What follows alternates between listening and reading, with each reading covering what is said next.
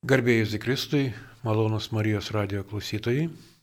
Šiuo prieškalėdiniu metu iš Vilniaus studijos sveikinuosi aš su jumis, laidos vedėjas Arnoldas Stasiulis.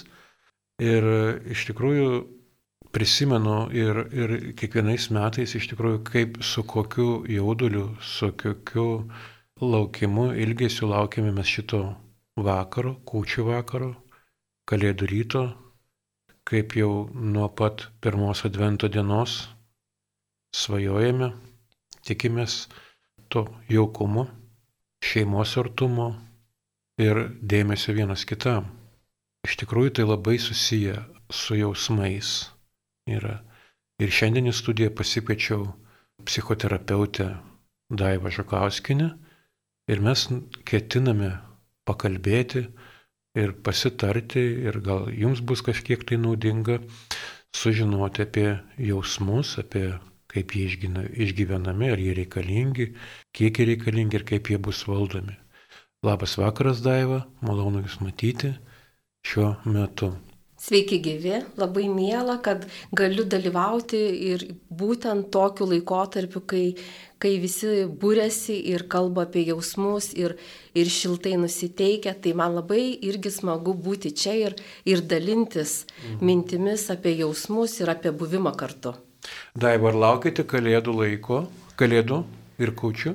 E, laukiu, žinoma, kaip stebuklo, kaip ir visi, man, manyčiau, tikintieji laukia kiekvienas, e, reiškia, e, kučių vakarą, kada mes renkamės prie stalo, ypatingai tas būna toksai įdomus labai laikas, kada ruošiamas tas e, stalas, kada mes ruošiame valgius ir atrodo kiekvienas atėjęs su savo dovanomis, su savo receptu, ketina kažką tokio paduoti ant stalo, padėti kažką tokio brangaus ir, ir, ir padovanoti visiems kitiems.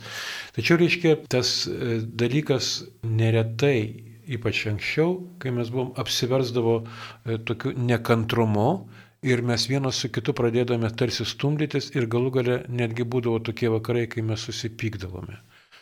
Pasakykite, prašom, kaip yra e, kyla tokie jausmai ir ar iš tikrųjų mes su tais jausmais galime kaip nors tvarkytis, ar, ar jie yra tokie nevaldomi, užvaldomus, kad mes iš tikrųjų nebegalime nieko padaryti ir, ir einame paskui, kaip pakinkyti. Pakinkyti iš tikrųjų įmanoma, todėl kad mūsų jausmai priklauso mūsų protui. Ir taip kaip mes galvojam, kokias mintis mes transliuojam, ką kalbam, taip mes ir jaučiamės. Tai iš tikrųjų kartais pritrūksta būtent tokio iš ankstinio nusibrėžimo savo, ką aš noriu jausti šį vakarą, ką aš noriu atnešti prie bendro stalo, kokią savijautą, kokią nusiteikimą, kokią intenciją. Tai reiškia, kaip aš galvosiu, kaip aš savo mintise dėliosiu tą vakarą, taip jisai ir bus.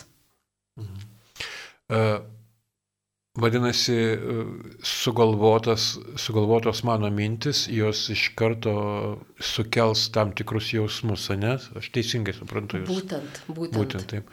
O tie jausmai, kurie kyla neįgiami, kada, reiškia, mes pasiduodame ir tarsi, na, išsigandę arba supykę esame, Tai irgi yra minčių pasiekmė, bet mes gal nevaldome tada minčių. Tada mes jau kalbam ne apie jausmus, mes kalbame apie emocijas, apie tą momentinę išraišką, momentinį atsaką į dirgiklį, kai neturim laiko sustoti, apgalvoti, tai kokį jausmą mums tai sukelia, mes tada reaguojam impulsyviai tiesiog vat, nuo to žodžio reaguojam, neveikiam, neveikiam iš, iš tokio pamastymo, iš buvimo, o tiesiog taip impulsyviai kaip gyvūniukai sureaguojam ir turim tą emociją, kur paskui truputį gėda mums jos, kad taip sureagavom, karštai, neapgalvotai, impulsyviai.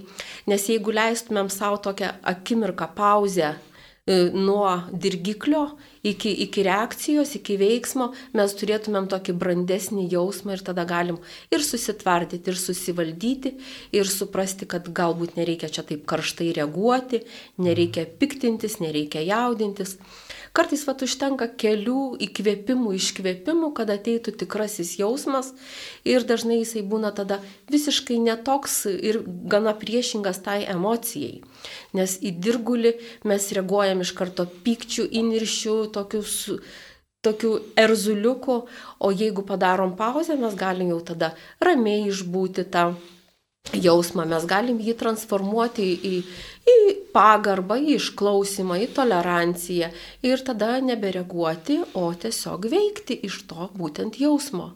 Tai aš teisingai supratau, jūs e, sakėte, kad emocija yra tokia gyvuliška, gyvūniška reakcija, reiškia, tai mes turime tą biologinį pradą, kuris mumise pirmiausia pradeda veikti, bet kokiu atveju, ne?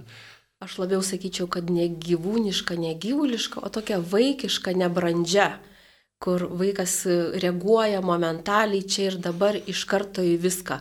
Suaugęs žmogus, brandė asmenybė, e, gali jau remtis į savo patirtį, gali remtis į savo žinias ir reaguoti tinkamai tada jausmai yra e, ta emo, suvaldyta emocija, aš taip suprantu, jinai Tikrai taip. Suvaldyta emocija, reiškia, ne, jeigu mes, na, netgi pauzę padarydamas, aš e, turiu laiko pagalvoti, kokios bus pasiekmes, ne, ir tarsi strategiškai pasirinkti kelią dabar vieną iš dviejų, kuris bus ar keliausime įniršio keliu, ar ten, na, žmogus, reiškia, pasėmė lėkštę, kurią aš ketinau dėti ir aš jau išsitau.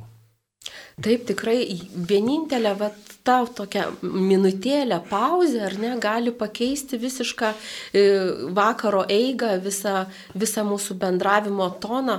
Ir kartais, va, iš tikrųjų mums reikia tos rimties, pabuvimo, akimirką su savim ir susivokimo, tai kas dabar su manim vyksta, kai ta lėkštė, va, nukeliavo ne ten, kur reikėjo. Ir ar tikrai dėl lėkštės verta gadinti visą vakarą. Mhm.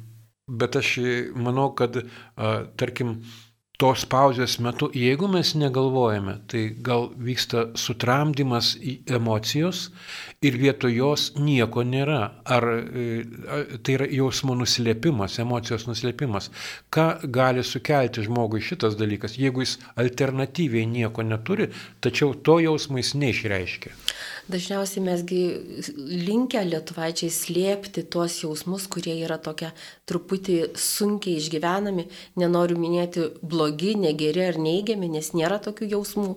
Yra tiesiog sunkiai išgyvenami tokie jausmai, kurie, kurios, kuriuose sunku išbūti. Tai tokius jausmus mes linkę vis dėlto praryti, sulaikyti ir neišleisti į išorę.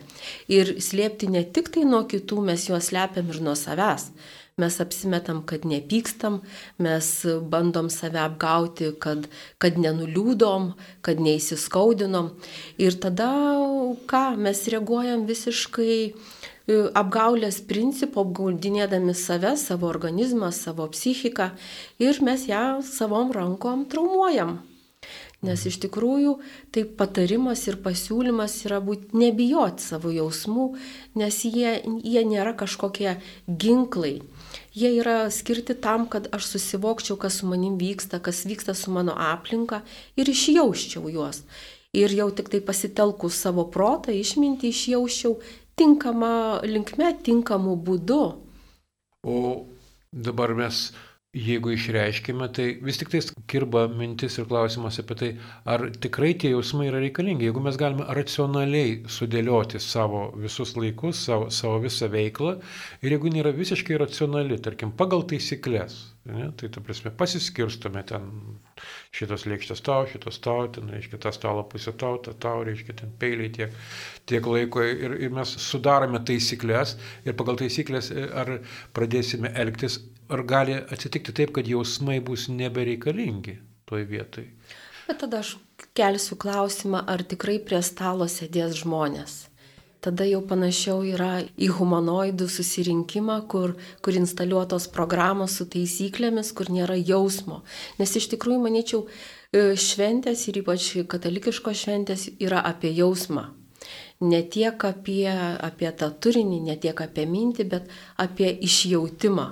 Ir tik tai per jausmą ir jausmą paremtą mūsų mąstymu, mūsų, mūsų vidinė išmintimu, bet tai mus ir būria į, į tą žmog, žmonių lygą, ar ne? Nes viską sudėlioti taisyklės gali tik tai kompiuteris, robotas ir ten nėra gyvybės. Tik tai per jausmus mes esame gyvi. Gal dar kariuomenė gali tai padaryti? Maničiau, kad ten jausmo yra labai daug, tik tai ten yra labai daug užspausto jausmo, nes nemanyčiau, kad nieko nejaučia kareivis, kurį muštruoja. Mhm. Tai o kas vis dėlto gali atsitikti su to žmogumi, kuris na, nuolatos yra linkęs paslėpti savo jausmus? Kokios pasiekmes tokio gyvenimo?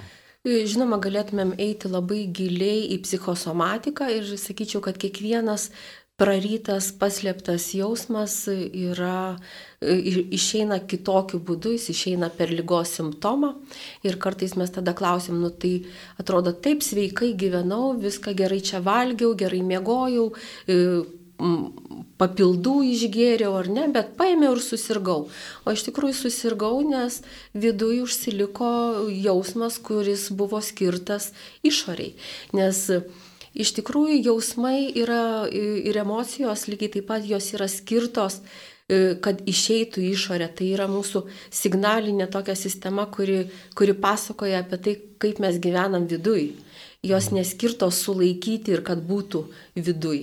Jeigu Dievas būtų sukūręs mus tokius bejausmius, tai tokio žodžio kaip jausmas mes nežinotumėm ir tokios išraiškos nebūtų jausmai yra labai geri dalykai, bet juos reikia rodyti. Rodyti kultūringai, gražiai, tvarkingai ir išjaučiant, neimpulsyviai. Mhm. O klausimas vyrai ir moteris. Čia kalbame apie santykius, apie šeimos žydinį ir iš tikrųjų pora yra. Ar vyras ir moteris e, turi kažkokius specifinius jausmus arba išreiškų specifinius būdus ir kažkaip tai galima, na, kreipti daugiau dėmesį vienam į vieną dalyką, kitam į kitą, ko stokojam gal. Viskas priklauso nuo to, iš kokios šeimos atėjo tas vyras ir moteris. Ne? Mm, šiaip terapija, psichoterapija, e, nelinkusi skirstyti vyrus ir moteris, jinai mato žmogų e, ir Tiesiog šeima iš to žmogaus, iš mažo žmogeliuko per taisyklės, per ugdymą, auklėjimą padaro vienokią ar kitą tą vyrą. Ir jeigu šeima yra labai jausminga, kalbanti apie jausmus, besidalinanti, e, kuo gyvena, tai vyras bus ir jausmingas, ir nebijantis e, išreikšti savo jausmus, atpažįstantis, ką jis jaučia ir galintis tai verbalizuoti. Bet jeigu nesvarbu vyras ar moteris atėjęs iš šeimos, kur niekada nebuvo kalbama apie jausmus, o visada buvo sakoma svarbiausia tvarka, disciplina ir taisyklės, reiškia viskas pagal protą, Tai susidursim su visišku tokiu, netgi terminą turi tas dalykas, toks aleksitimija, reiškia negebėjimas įžodinti jausmo. Jausmą turiu, bet nežinau, ką, ką jisai reiškia ir, ir kaip jį įvardinti ir kaip pateikti, tai tiesiog užlaikau savo viduj. Mhm. Tai turėsim, vat, kaip sakant, jausmų nevaldančių žmonės, net pažįstančius ir nesvarbu, jie bus ar vyrai, ar moteris. Gerbėmi radio klausytojai, eterija yra šeimos žydinys e, laida ir mes kalbame su psichoterapeutė Daiva Žukauskinė apie jausmus.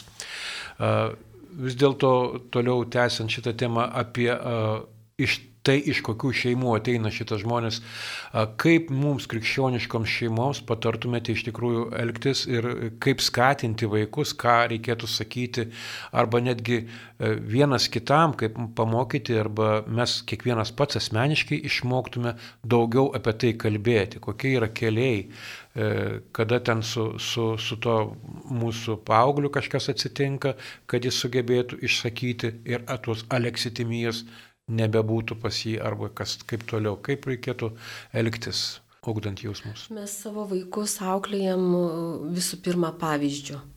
Ir kartais vat, šeimose girdimas klausimas, e, kaip tau sekėsi, kaip tau praėjo diena, tai yra apie, apie faktus ir įvykius. Ir tai yra visiškai ne, netlepiantis klausimas į jausmus, kaip tu jautiesi. Ir kai klausiam tėvų, ar jūs kalbate su savo vaikais, sako taip, taip, klausiu, kaip jiems sekasi, kaip, kaip praėjo vienas ar kitas įvykis, ką tu nuveikiai. E, pokalbis vyksta, bet jis nevyksta jausminiam ligmenį, kur yra e, dalinamasi dienos nuotaika, dienos savijauta, kokius tu jausmus išgyvenai, kaip tu jautėsi tą darydamas, kaip tu jautėsi kitą darydamas. Ir tėvai turėtų pradėti nuo to, kad patys kalbėti, kaip jiems praėjo diena. Šiandien aš jaučiausi piktas, kai, kai situacija nevyko taip, kaip aš norėjau, kai negalėjau kontroliuoti laiko, negalėjau kontroliuoti didelio krūvio darbinio. Ar ne? Pasidžiaugiau, kai atėjo kolegė ir man atnešė kavos. Ir va, būtent veiksmas susijęs su jausmu ir per pavyzdį auklėje ir ūkdo vaikus.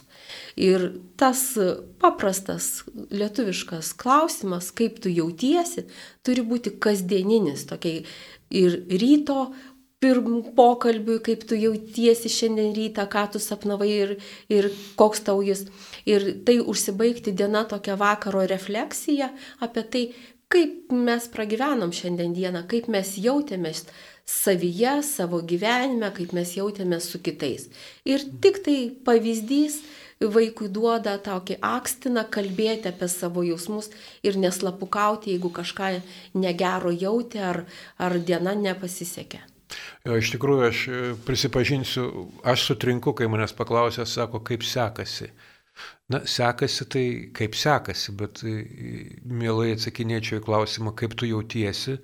Aš esu sunerimęs, susierzinęs arba išsigandęs arba e, susijaudinęs kažkuo tai apima baime, kad kitoj pusėje, reiškia, tas žmogus išgirs netinkamą jam atsakymą.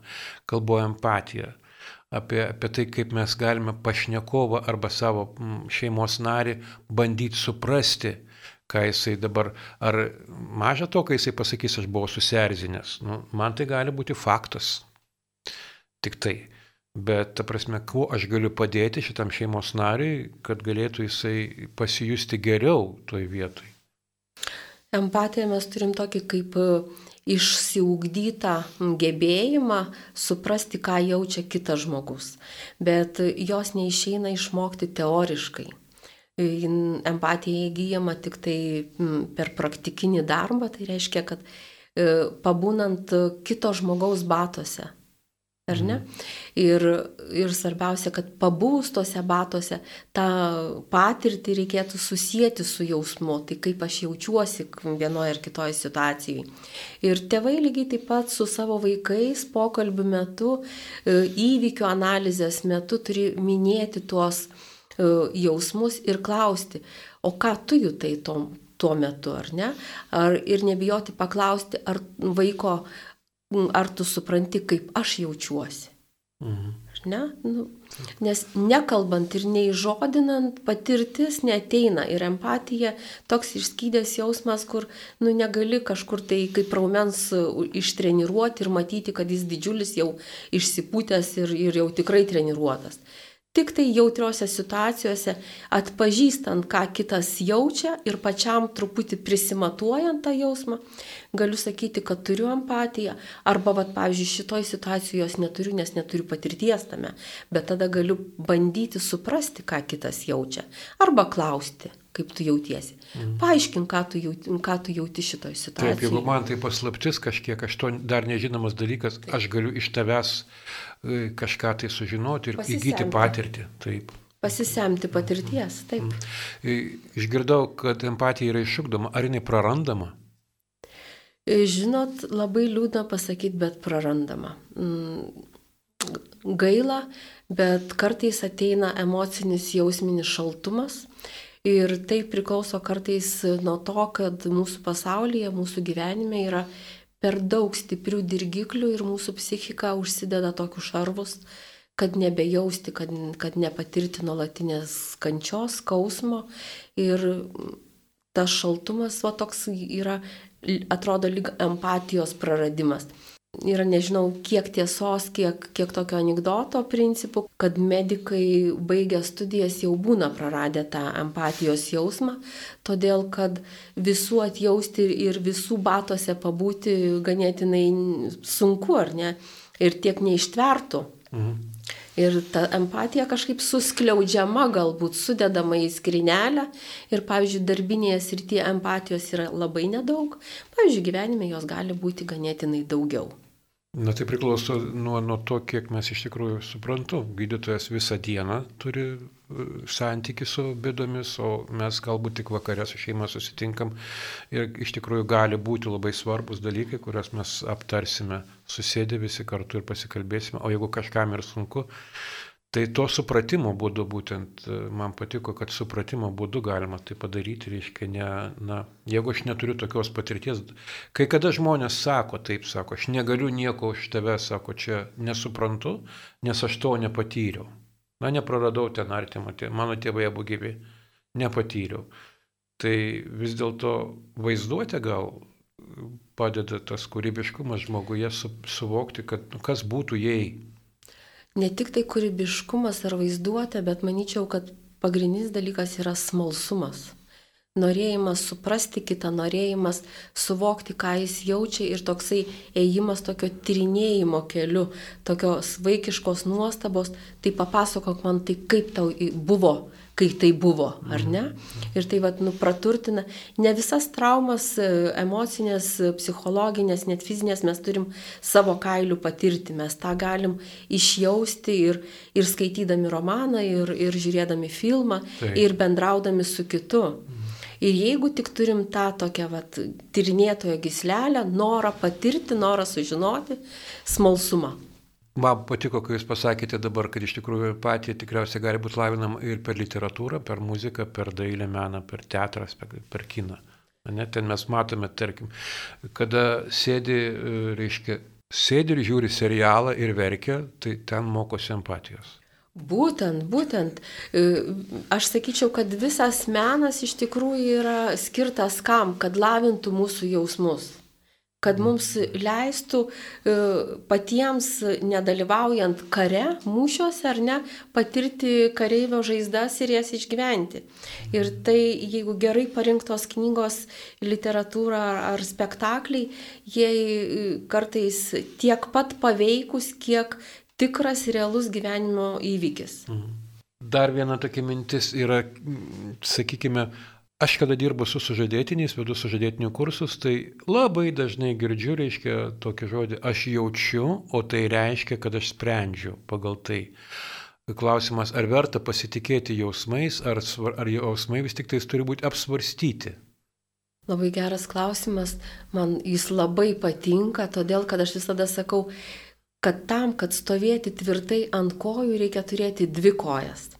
Ir iš tikrųjų geras sprendimas yra atėjęs tada, kai taip sako jausmai ir taip sako protas.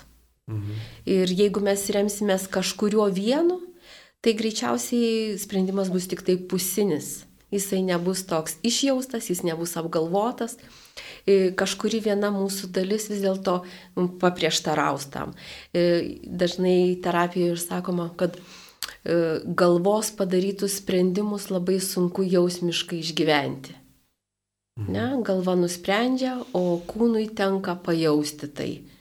Ir kartais būna ne patys geriausi sprendimai. Jo, ir keblų, keblų iš tikrųjų būna atsidūrus, na, bando įsivaizduoti, na, tikriausiai tarnybose kai, kai yra visiškai racionaliai įsakymais ir, ir normomis ir instrukcijomis nurodoma, ką veikti, žmogus susitikęs su tas rytim, su ta veikla, jisai pradeda jausti, bet jis privalo veikti. Čia kaip ir tie gydytojai, ne, tai ta prasme jam va šitas emocinis jo jausminis gyvenimas, jisai tarsi nu, nueina į antrą planą ir jis kenčia nuo to?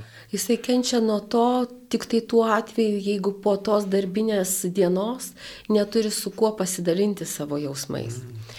Jeigu mes turim uh, kur parnešti saugiai, su kuo dalintis tą, ką patyrėme jau, jausminėje srityje, mm. tai mes tiesiog truputį užlaikę paleidžiame tai.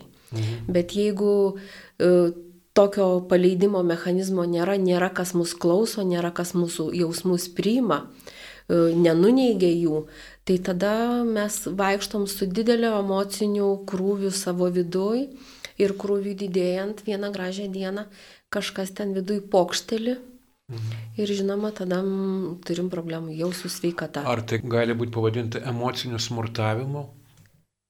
Taip, gali būti ir, ir emocin, per emocinį smurtą. Prieš toks, save toksai, ne? Taip, toks, taip. Niekam nesakau, viską tyliu, reiškia, ne, arba neturiu netgi kam pasakyti. Dėl to gal, kaip mes anksčiau su jumis, kai kalbėjome šioje laidoje, tai priminėte, kad, reiškia, jeigu a, žmogus, na, ateina ir jisai gyvena tą gyvenimą ir, ta prasme, visiškai kalba tik tais, e, kaip, kada reikalinga, Tai neturėdamas tos išreiškos, o porose iš tikrųjų per daug metų santukoje gyvenančios poros, daug metų jos iš tikrųjų daug rutinos turi, daug to tokio gyvenimo ir, ir kai tas užima didžiąją laiko dalį, žmonės nenustoja jausti Kažkaip tai, nors jie jaučia, bet gal e, negavę atsako vieną, antrą, trečią kartą nusivylę tuo ir toliau nebe, nebesikalba. Ir tada parėjęs jau namo, reiškia, po to darbo dienos e, pasakyti kažką tai išsikalbėti.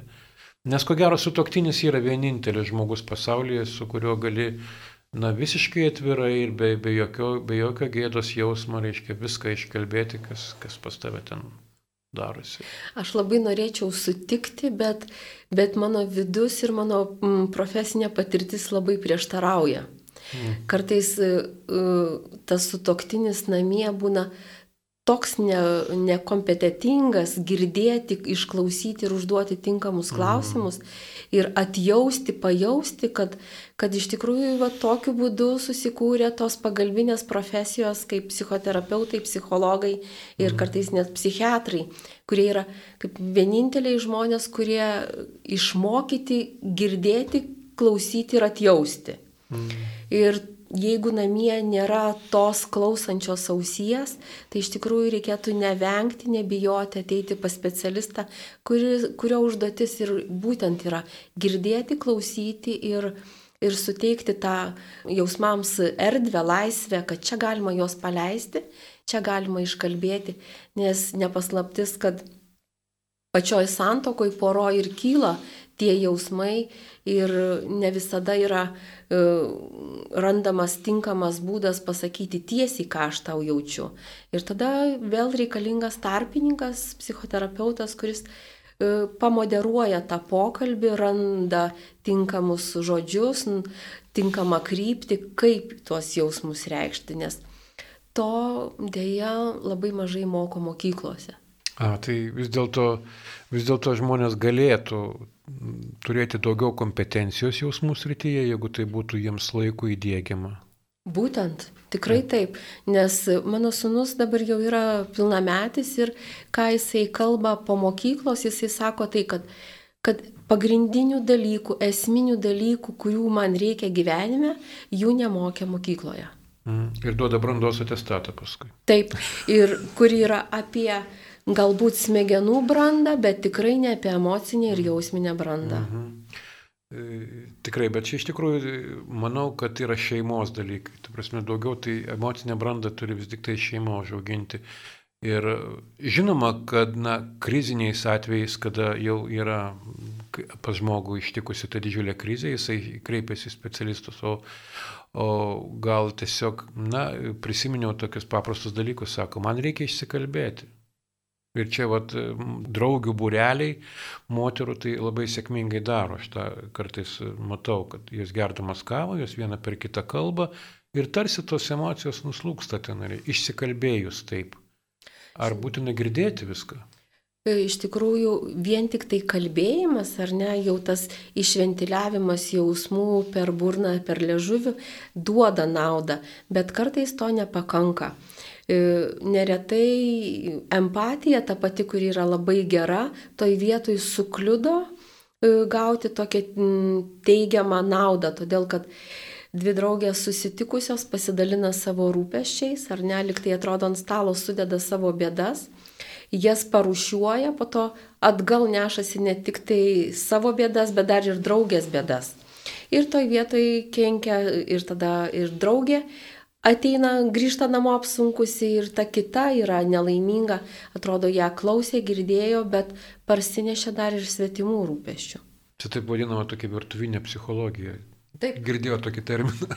O vis dėlto, na, nutrūkęs emocinis ryšys poroje, jisai neretas dalykas yra, kaip vis dėlto patartumėte atstatinėti tokius dalykus, nuo ko reiškia. Vat, Patarčiau nenutraukti. Patartumėt nenutraukti, bet jau yra, tai reiškia tokie nutrūkę būna. Na. Tikrai taip, nes nutrūksta ne tik poroje tie emociniai ryšiai, nutrūksta ryšiai tarp tėvų, vaikų, e, giminės tarpe nutrūksta tie ryšiai. Ir vienintelis toks receptas būtų e, pradėti kalbėti. Kalbėti iš naujo, pradėti domėtis kitų žmogumi, jį bandyti išgirsti ir, ir pagrindinis da, galbūt dalykas - neduoti patarimo. O, tai teisingai, iš tikrųjų, nepatarinėti. Nepatarinėti, taip. Jo. Tai labai svarbu, iš tikrųjų, šitą pastebėjau. O kiek nulėmė iš tikrųjų emocinės traumos, kurias žmogus turi savo gyvenime, ar tarkim iš tėvų patyręs ir jo, jo reiškia, sugebėjimą, iš tikrųjų mes kalbėjome apie tai, kad yra negebėjimas verbalizuoti, Bet kartais visiškai neblogai verbalizuoti gal, gali žmogus, tačiau jisai na, yra išmokytas kalbėti užuolankomis arba pasigirimais, kažkokiais kompensacijomis. Tos emocinės traumos, jos e, kaip žmogui, ką daryti, kad jis pripažintų jas iš tikrųjų. Kaip jis gali, ar čia tik tais psichoterapeuto jau kompetencija šitas, ar jisai pats dar gali atsekti. Dažniausiai atėję klientai į terapiją jau žino, kokias tas traumas jie turi ir ką jie atsinešė iš vaikystės. Bet užduotis yra ne tai, kad galvoti, ką aš turiu, bet galvoti, ką aš galiu su tuo šiandien padaryti. Tai mūsų visos emocinės traumos yra tokia kaip randai ant mūsų kūno, kur, kur mes žinom, kurią vietą reikia saugoti, kuri vieta yra jau sužalota ir prie jos reikia labai jautriai liestis. Yra tokia teorija, kur sako, kad žmonės bendrauja ne šiaip savo, jie bendrauja per savo traumas. Mhm. Ir per savo traumas jie susišneka su kitu ir tai kartais būna toks traukos dėsnis, kodėl du traumuoti sueina į porą, kodėl du alkoholikų tėvų vaikai susiporuoja, todėl kad jų traumos leidžia atpažinti kitame tas traumas ir, ir jiems nebereikia to dialogo, jie supranta viens kitą be žodžių. Taip kad aš pritarčiau, kad mes bendraujam per savo traumas.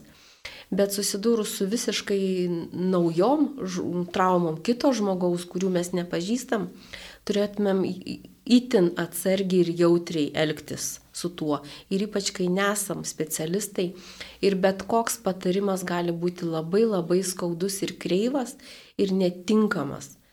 Tai ką galim daryti, tai galim klausyti, klausinėti, girdėti, bet šiukštų negydyti, nepatarinėti ir neužimti kokio nors konsultanto, terapeuto ar psichologo vietos. Atiduokim tą darbą jau tikrai specialistams. Na, tikrai sakoma, kad su toktiniai negali būti psikologais vieni kiti, nors psichologiją išmanyti yra neblogai gal. Tik Išmanyti taip, bet ją taikyti praktiškai, sakyčiau, nepatartina. Mhm. Išmanyti burnos higieną ar ne, ir odontologija yra viena, bet namų sąlygom taisyti dantis gal nevertėtų. Na taip, taip.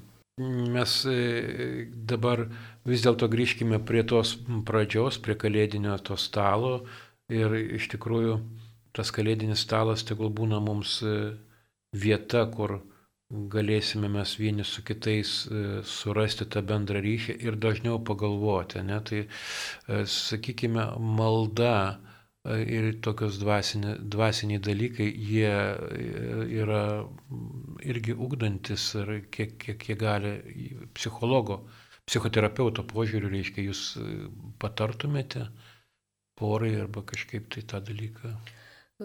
Melstis. Aš labai atsargiai žiūriu į tikėjimo klausimus, nes šis, pasaulis yra labai įvairus ir, ne, ir, ir daugelis žmonių praktikuoja įdomius dalykus, ar ne, ir kartais man, pavyzdžiui, net nežinomus.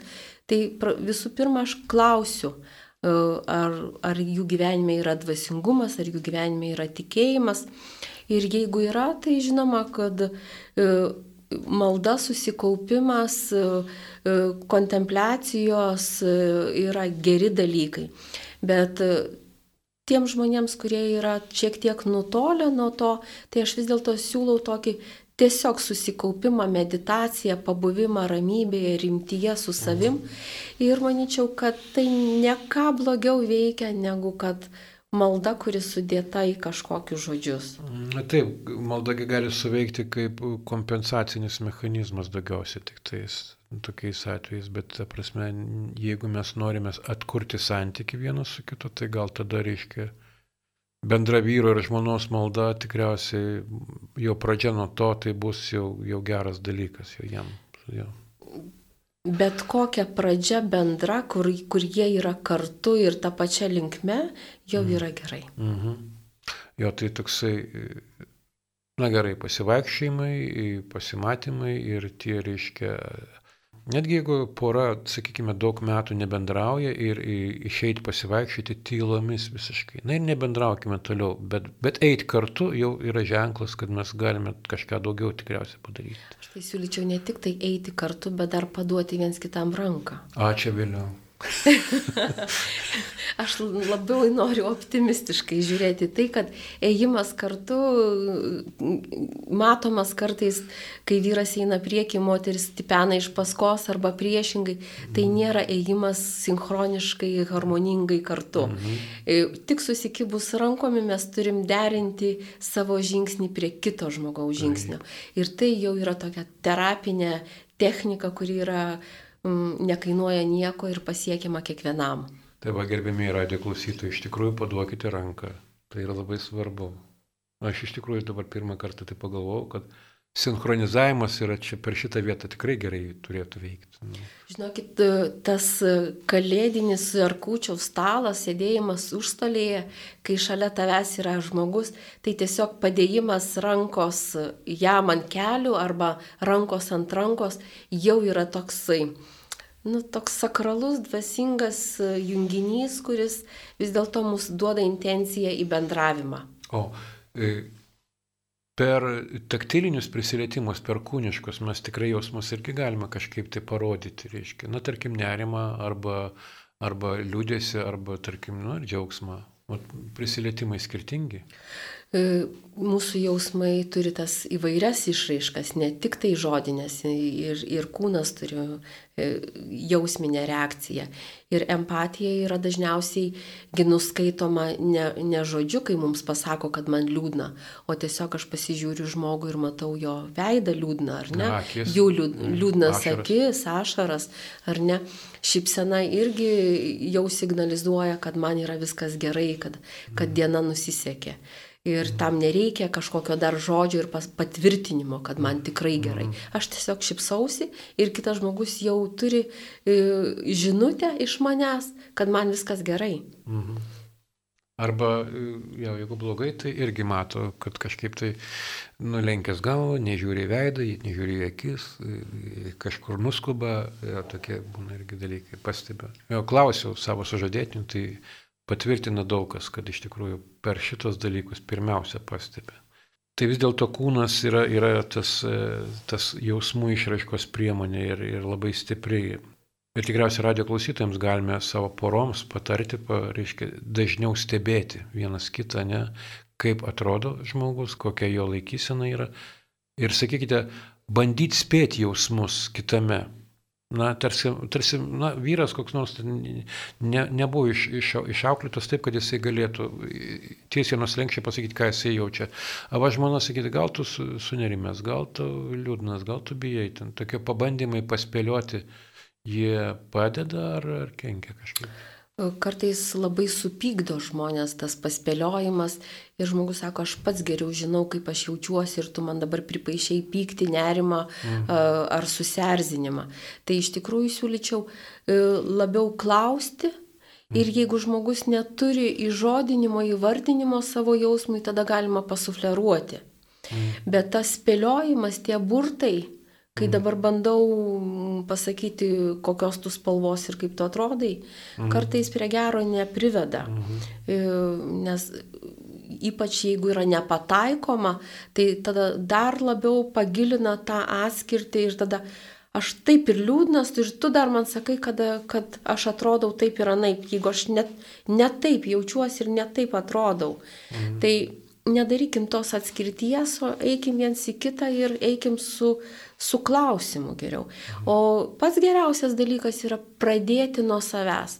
Aš jaučiu, kad su manim yra dabar taip ir taip, o kaip Mhm. jautiesi tu. Jo, tai tarkim, jeigu ištiko, e, tarkim, konfliktas arba krizė mano gyvenime, tai sakyti kitam, tu čia padarėjai tai, tu neišploviai, tu ne, nesutvarkiai arba palikai. Ir, ir tai yra kaltinimas, o, o jeigu aš, aš, reiškia, jaučiuosi, dabar kažkokiu tai būdu yra gerai, yra teisingiau, kas sakyti, ne? Tas tuksenimas vienam į kitą, ta tu, tu, tu, iš tikrųjų tai yra tokie smūgiai.